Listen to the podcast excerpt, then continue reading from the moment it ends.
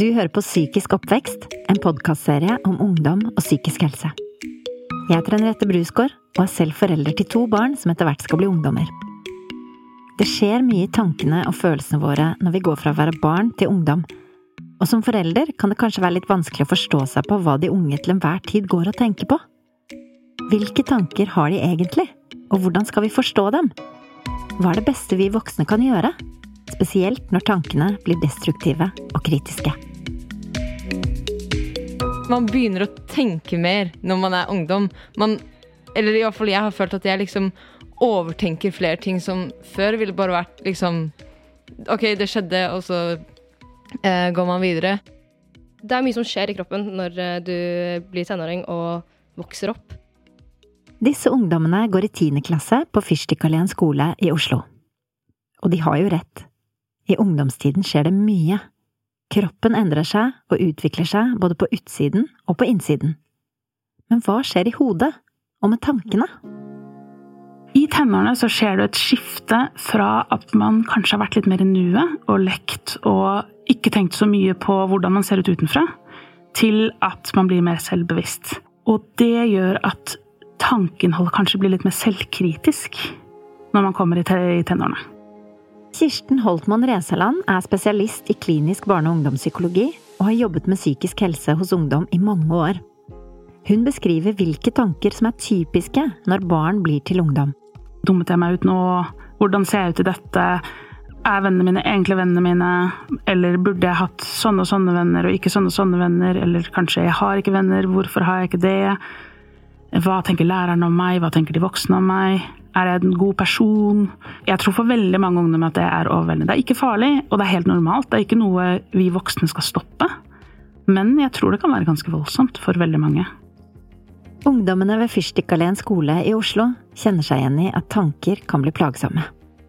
Hvis jeg liksom begynner å snakke med folk jeg ikke skjønner så veldig godt, så begynner jeg liksom å tenke sånn OK, hva, hva liksom Hvordan skal jeg på en måte oppføre meg for at de skal like meg? Kirsten forteller at det er viktig å skille mellom tanker som er plagsomme og ikke, men at vi heller ikke skal analysere tankene våre for mye. Hvis vi skal gå og analysere tankene våre hele tiden, så har vi egentlig en fulltidsjobb med det. Eh, så det jeg tenker kan være lurt når det gjelder tanker, er at for det første at man vet at så å si alle tanker er helt normale tanker tankene definerer ikke hvem vi er som personer. sånn at eh, det f.eks. å tenke noe slemt om noen av man er misunnelig på, er bare en måte å føle seg litt mindre underlegen på. Det betyr ikke at man er en dårlig venn eller søster, eller at man er et dårlig menneske. Så, så vi, vi, kan med fordel være litt rausere med oss selv enn det man ofte er, da, i møte med egne tanker. Kirsten understreker at det som er viktig, er at ungdom prøver å lære å kjenne igjen de tankene som gir grunn til bekymring. Hvis tankene skremmer oss veldig, eh, gjør at vi ikke kan leve livet på den måten vi ønsker, eh, er veldig fulle av negativt innhold, som for eksempel bare negative ting om seg selv, eh, er fullt av skremmende innhold som man kanskje ikke får kontroll på, eller for eksempel er at man begynner å tenke mye på selvmord. Da er det viktig å snakke med noen. Kirsten Resaland har noen råd til hva vi foreldre kan gjøre for å hjelpe barna våre med tankene som strømmer på. Både de gode, men kanskje mest de vonde. Det er fint om vi voksne er klar over at mennesket ikke er tankene sine. Og at ungdom kanskje i større grad enn voksne tror at de er det de tenker. Eh, og dermed hele tiden leter etter knagger å henge sin egen identitet på.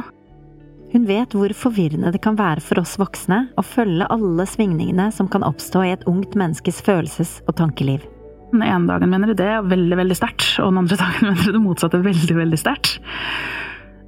Så på et vis så skal vi la det være litt i fred. De skal få lov til å tro at de er tankene sine, så lenge det ikke gjør at de skammer seg. For det å skamme seg over hva man tenker, det kan bli en veldig ensom og overveldende smerte. Et av mine råd til ungdomsforeldre er å gi ungdommen rom til å teste ut det å følge tankene sine, men at voksne samtidig holder et øye med at ikke ungdommens f.eks. selvkritiske tanker blir som en slags fasit for dem. Spesielt ungdom vil tenke at de på en måte vet, hvis de f.eks. ser for seg at alle baksnakker meg når jeg går ut av et rom, og så føles det veldig sånn, så tenker de på en måte at de vet det. Det er sånn. Noe av det vi voksne kan gjøre for å hjelpe ungdommen, er å stå i det vanskelige sammen med dem. Vi må vise empati, også når de er litt ufordragelige, og lage et rom hvor det er lov til å endre litt på ting, og til å trekke tilbake noe som ble sagt litt for fort eller litt feil. Når man er tenåring, så er det ofte at verden sorterer seg litt i svart og hvitt, og det kan være lett at det blir litt overdrivelser, kanskje, særlig første gang man skal fortelle om noe som har skjedd. Og hvis det blir for mye korreksjon fra den voksne på at 'men dette var ikke det du sa i stad', eller 'nå får du bestemme deg', var hun sånn eller var hun sånn, så kan ungdommen gi litt opp og formidle det de har på hjertet. Så en verdifull ting vi voksne kan gjøre for ungdom, er å tåle dem og tåle tankene og følelsene deres for å vise dem at de er verdt å bli tålt, sånn at de tåler seg selv bedre, og at de får et rom hvor de kan være mindre alene. For min del så er det noen ganger litt godt å også godta at det er lov å ha litt vanskeligere perioder i livet. Det er ikke la det gå for langt, på en måte, men sånn det er litt deilig å la seg selv føle på de følelsene, ikke bare ignorere dem. Fordi det er veldig viktige følelser, og det er en del av å vokse opp og fra å gå og være barn til å være voksne. Og da er det jo mye vi skal gjennom. Så det er jo en vanskelig periode. Tanker og følelser er to forskjellige ting, men de påvirker faktisk hverandre og hvordan vi oppfører oss. Vi kan tenke på tanker og følelser eh, som eh, to fenomener vi har med oss hele tiden, som kaster ball med hverandre. De kaster ikke bare ball med hverandre, de kaster også ball med kroppen vår, og med hva vi velger å gjøre eller ikke gjøre. Så hvis eh, eh jeg har for eksempel fobi mot sånn sug i magen, berg-og-dal-bane, eh, så la oss si at noen inviterte meg med i en klatrepark, eller at for eksempel alle på jobb sa skal vi dra i klatreparken dere på teamdagen?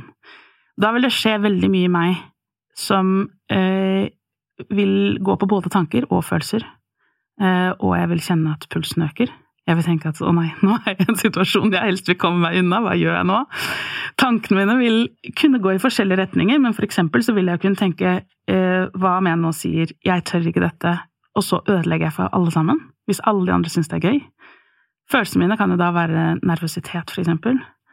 Eh, og handlingen min kan jo være å Det vil være påvirket av det. Så jeg vil jo for eksempel ikke juble og si 'det var en dødsbra idé'! Det er viktig å huske på at når tanker og følelser slår seg sammen, kan det virke som om man er synsk, at det tankene forteller deg, er sannheten. Men det stemmer ikke. La oss si at jeg ble med i Slatreparken, da, og sa at jeg, jeg, står og ser på på bakken. Og så eh, ble jeg med opp, eh, og jeg visste at det var trygt. Men så eh, satte fobien inn. Jeg så ned, tenkte nå faller jeg i min død. Jo mer jeg da både er redd og har tanker, katastrofetanker, om hvor farlig dette er, jo mer sant vil jeg oppleve det. Altså, hvis jeg tenker at noen er sinte på meg, og det også føles sånn, vil den tanken oppleves som en sannhet. Eller hvis du som ungdom tenker at en i klassen ikke liker deg, og du ikke får svar på en melding eller snap, da kan følelsen det gir, gjøre tanken enda mer sann.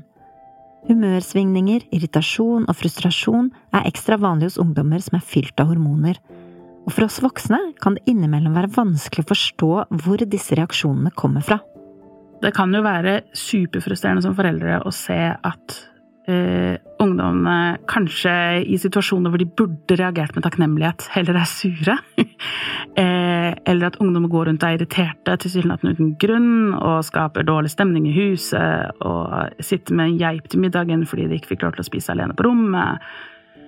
Um, og da er det jo fristende å eh, gå i oppdragermodus for de fleste. Det vil være veldig menneskelig og veldig normalt, og veldig en, en del av det å være forelder. Eh, så man, de fleste vil nok få lyst til å si 'skjerp deg' hvis ungdommen går rundt med en svart tordensky over seg. det kan være lettere å få til godt samspill i familien hvis ungdommen får litt rom til å være seg selv på godt og vondt, og at de voksne skiller mellom det som er uakseptabel atferd, og det som er å bare ha en følelse. Det kan også være greit for oss voksne å huske på at ungdommene ikke velger disse følelsene selv. De færreste ungdommer vil jo stå opp om morgenen og tenke Altså, jeg har det egentlig veldig bra i dag, men jeg, jeg tror jeg går for irritert. En annen ting Kirsten påpeker, er at det faktisk ikke er alle intellektuelle felt som er helt ferdigutviklet hos ungdommen enda. For det meste har ikke barn og unge så mye selvironi. Voksne oppdager kanskje at barn og ungdom begynner å utvikle ganske kul humor, og så tenker de at de kan dra det ganske langt i å gjøre narr av den andre, og kommentere på ting med spydigheter det er lurt å være forsiktig med. Det er en sånn spesiell type følelse at man står ganske stødig i seg selv, som gjør at man kan tåle den type ting. Mange voksne strever også med å tåle det, eh, og det er lett å bomme. Så selv om eh, ungdommene kanskje begynner å tulle med hverandre, så vil de vil kjenne hverandre bedre på akkurat dette enn det vi voksne vil forstå ungdommen. Så der må man i hvert fall være obs, og hvis ungdommen strever, så er det veldig viktig at man ikke tror at det er en god måte å kommentere på det på. Hvis f.eks. ungdommen har angst, så er det å gjøre narr av angsten en, en, ungdom med angst øh, vil vanligvis ikke synes det er morsomt.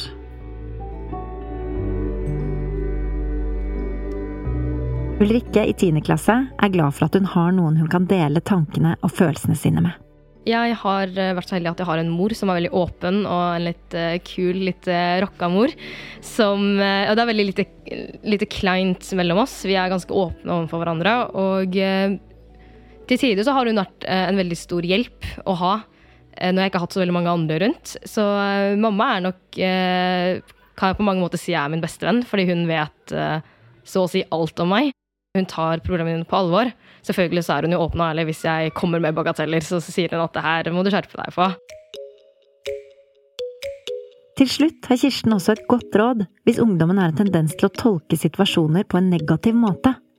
Hvis ungdommen din for eksempel ofte er redd for å ha gjort noe galt, eller stadig føler seg upopulær, mener hun at vi bør oppfordre ungdommen til å tenke på alternativer til de negative tankene. Hvis du ser for deg at noen er sint på deg, da, for eksempel, eller såret over noe du sa, og så vet du egentlig at det bare er at eh, ja, jeg har en tendens til å være redd for å ha såret folk, f.eks. Du har ingenting som tilsier at du har gjort noe galt eller at noen er såret, det er bare at tankene dine plager deg med det. Bare nesten sånn prinsipielt å forestille seg noe annet. Forestill deg at personen tenkte på noe helt annet enn deg. Forestill deg at personen tenkte 'å, så koselig det var å snakke med deg i stad'. Eh, det kan gjøre at vi bare minner oss selv på at tanker bare er tanker. Og det syns jeg egentlig er et, et triks ungdom eh, kan lære, selv om i utgangspunktet så skal vi jo ikke fortelle ungdom at de skal tenke annerledes, eller at de har ansvar for å tenke bedre eller ha en bedre psykisk helse. Men det er et, et triks som kan gjøre det lettere, da, rett og slett.